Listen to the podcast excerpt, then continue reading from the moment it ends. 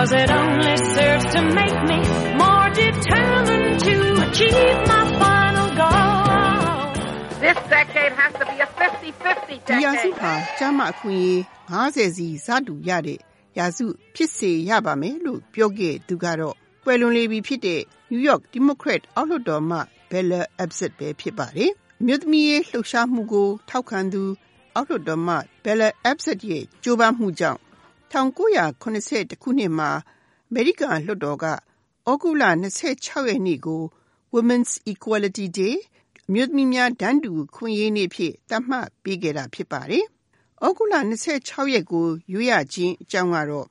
1848ခုနှစ်က New York ပြည်နယ် Seneca Falls ရှိကမ္ဘာပေါ်မှာပထမဦးဆုံးအမျိုးသမီးအခွင့်အရေးညီလာခံကနေသတိတည်ခဲ့တဲ့ 1920 ခု ဖွဲ့စည်းပုံအခြေခံဥပဒေ ပြင်ဆင်ချက်19အရ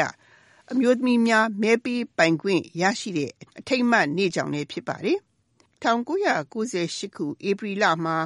အသက်89နှစ်အရွယ်မှာ ကွယ်လွန်ခဲ့တဲ့မြို့သမီးများ အခွင့်အရေးကို ကြိုးပမ်းဆောင်ရွက်ပေးခဲ့သူ Bella Abzug ဟာ ရှေ့နေတူနိုင်ငံရေးသမားတူလည်း ဖြစ်ပါတယ်။ သူအနေနဲ့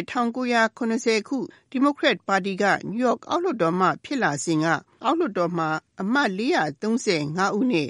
9ဦးသာ အမျိုးသမီး ရှိခဲ့တာ ဖြစ်ပါတယ်။အထက်လွှတ်တော်မှာဥယေတရားအနည်းအမျိုးသမီးဥယေရာကော ဘယ်လောက်ရှိပါသလဲဆိုတာကို Bella Abzug က မေးခွန်းထုတ်ခဲ့တာကတော့ There is not even one woman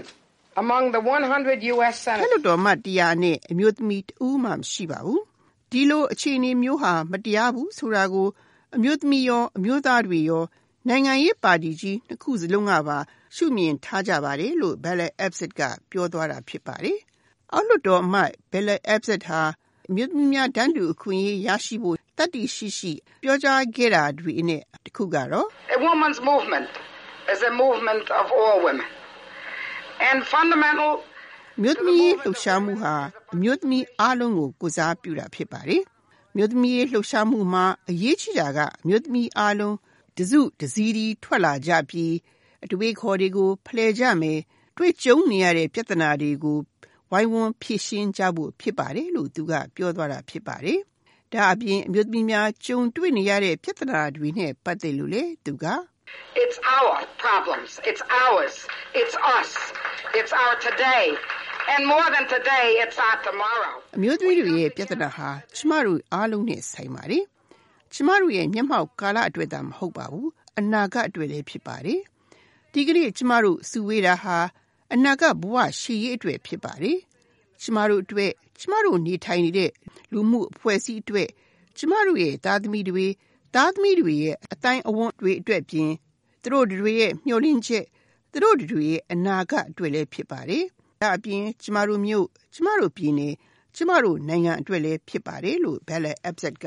မြို့သမီးများ တန်းတူအခွင့်အရေး လှုပ်ရှားမှုရဲ့ အနေအဒီဘယ်ကို ဖော်ဆောင်သွားခဲ့တာ ဖြစ်ပါတယ်။အမေရိကန်မှာ အမျိုးသမီး တန်းတူအခွင့်အရေး ဖြစ်လာဖို့ကတော့ မဲပေးပိုင်ခွင့် ရရှိရေးကနေ စတင်ခဲ့တာ ဖြစ်တဲ့အတွက်ကြောင့်လေ1848ခုနှစ်က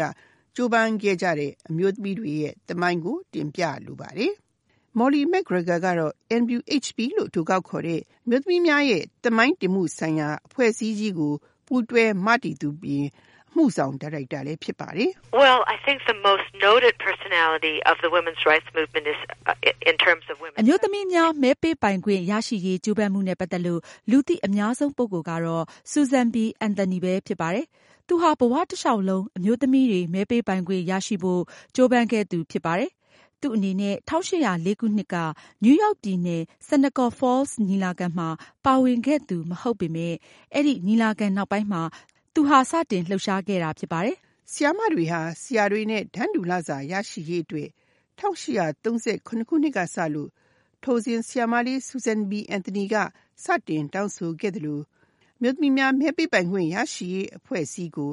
1860ခုနှစ်မှာ Susan B. Anthony က Elizabeth Cady Stanton နဲ့အတူ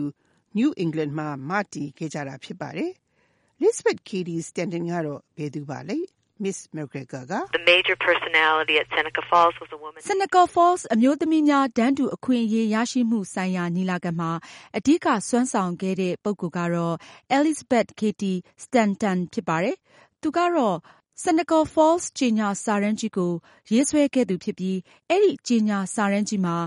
သူက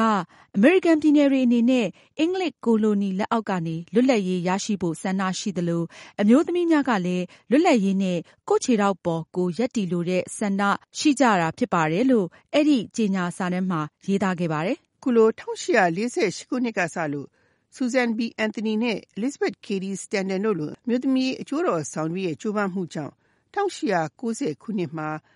Wyoming ပြည်နယ်မှာအမျိုးသမီးများမဲပေးပိုင်ခွင့်ကို ပထမဦးဆုံးရရှိခဲ့ပြီး၁၉၁၈ခုနှစ်မှာလည်းနောက်ထပ်၁၄ပြည်နယ်ကမဲပေးပိုင်ခွင့်ရရှိခဲ့တဲ့အပြင်၁၉၂၀ခုနှစ်သြဂုတ်လ၂၆ရက်နေ့မှာတော့ဖွဲ့စည်းပုံအခြေခံပြင်ဆင်ချက်၁၉အရအမေရိကန်တနိုင်ငံလုံးအတိုင်းအတာနဲ့အမျိုးသမီးများမဲပေးပိုင်ခွင့်ရရှိခဲ့ကြတာဖြစ်ပါတယ်။အမေရိကန်ပြည်ထောင်စုမှာအမျိုးသမီးများအခွင့်အရေးလှုပ်ရှားမှုသတိတည်ခဲ့တာနယူးယောက်ပြည်နယ် Seneca Falls ဖြစ်ပြီး အဲဒီမှာတန်းတူအခွင့်အရေးကြေညာစာတမ်းကြီးကို Seneca Falls ကြေညာစာတမ်းကြီးရယ်လို့အမေရိကန်သမိုင်းမှာ၁၈၄၈ခုနှစ်ကအတည်ပြုခဲ့တာဖြစ်ပါတယ်။အဲဒီကြေညာချက်ပါတချို့အချက်အလက်တွေကိုတင်ပြလိုပါတယ်။ We hold these truths to be self-evident that all men and women are created equal, that they are endowed by their creator with ဒီ certain အမှန်တရားတွေဟာလက်တွေ့ကျပါတယ်။အမျိုးသားအမျိုးသမီးအားလုံးဟာလူသားတွေဖြစ်ကြပါတယ်။ ဘုရားသခင်က ဖန်တီးပေးခဲ့တဲ့မွေးရာပါအခွင့်အရေးတွေ ရှိကြပါတယ်။အဲဒီအခွင့်အရေးတွေအနက်အသက်ရှင်နေထိုင်ခွင့်၊လွတ်လပ်စွာနေထိုင်ခွင့်နဲ့စိတ်ချမ်းသာမှုကိုရှာဖွေပိုင်ခွင့်တို့ဖြစ်ကြပါတယ်လို့ Seneca Falls ကြေညာစာတမ်းကြီးကနေကောက်နှုတ်တင်ပြထားတာဖြစ်ပါတယ်။၁၈နဲ့၁၉ရာစုကအမျိုးသမီးတွေမဲပေးပိုင်ခွင့်မရှိတဲ့အချိန်တွေမှာအမျိုးသားတွေရဲ့ကြီးစိုးမှုကိုထိထိမိမိစကားအသုံးအနှုန်းနဲ့ကြေညာစာတမ်းကြီးမှာဝေဖန်ထားပါတယ်။ He has compelled her to submit to laws in the formation of which she had no voice. အမျိုးသားတွေချမှတ်တဲ့ဥပဒေတွေကိုအမျိုးသမီးတွေကအကောင်းအဆိုးပြောပိုင်ခွင့်မရှိကြဘဲလက်ခံလိုက်နာကြရတယ်။အမျိုးသမီးတွေရဲ့ပြောရေးဆိုခွင့်တွေ၊မြေယာပိုင်ဆိုင်ခွင့်တွေ၊လစာဘယ်လောက်ခံစားပိုင်ခွင့်ရှိတယ်ဆိုတာကိုအမျိုးသားတွေကဆုံးဖြတ်ကြတာဖြစ်တယ်လို့ထောက်ပြထားပါတယ်။ဒါ့အပြင်အသက်မွေးဝမ်းကျောင်းနဲ့နိုင်ငံရေးမှာဆုံးဖြတ်ပိုင်ခွင့်မရှိတဲ့အခြေအနေအကြောင်းကို He has monopolized nearly all the profitable employments,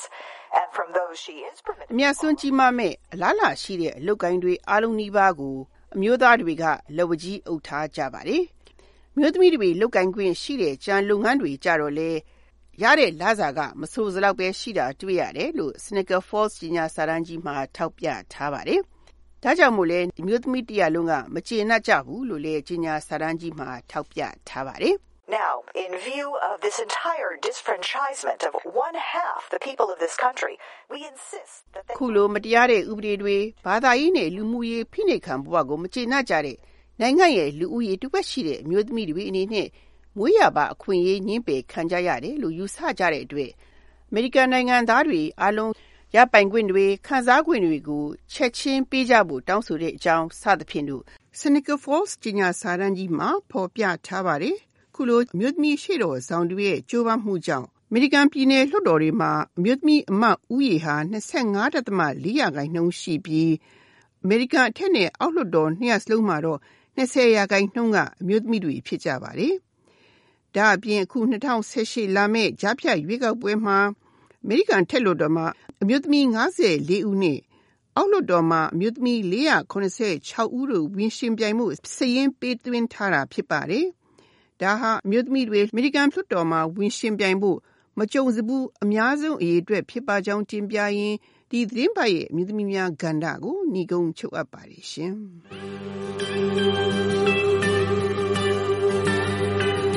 You can bend but never break me,